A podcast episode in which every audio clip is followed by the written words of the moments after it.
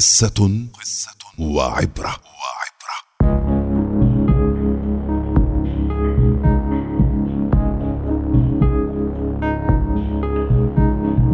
يحكى أن أحد التجار أرسل ابنه لكي يتعلم سر السعادة لدى أحكم حكماء بلادهم.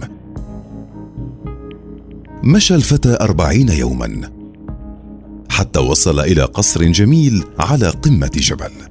حيث يسكن الحكيم الذي يسعى إليه. انتظر الشاب ساعتين لحين وصول دوره لمقابلة الحكيم.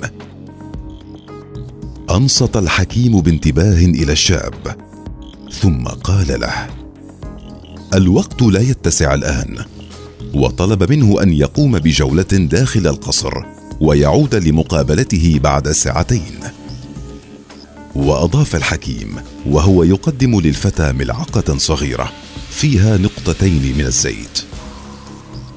أمسك بهذه الملعقة في يدك طوال جولتك وحاذر أن ينسكب منها الزيت. أخذ الفتى يصعد سلالم القصر ويهبط مثبتا عينيه على الملعقة.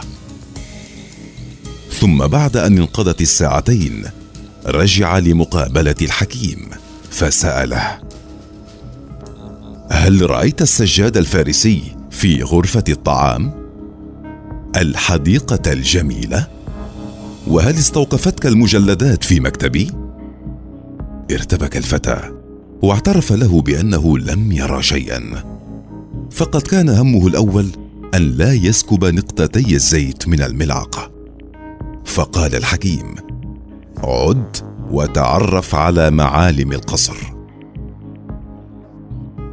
عاد الفتى يتجول في القصر متنبها إلى الروائع الفنية المعلقة على الجدران. فشاهد الحديقة والأزهار الجميلة وعندما رجع إلى الحكيم قص عليه بالتفصيل ما راه فسأله الحكيم ولكن أين قطرتا الزيت اللتان عهدت بهما إليك؟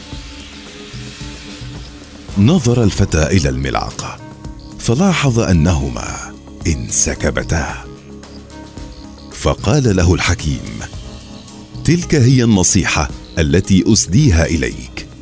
سر السعادة هو أن ترى روائع الدنيا وتستمتع بها دون أن تسكب ابدا قطرتي الزيت.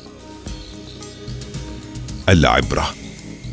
السعادة هي حاصل التوازن بين متطلبات الحياة المادية والنفسية والروحية. إن وازنتها جيدا نلت السعادة. وما عرفت التعاسة.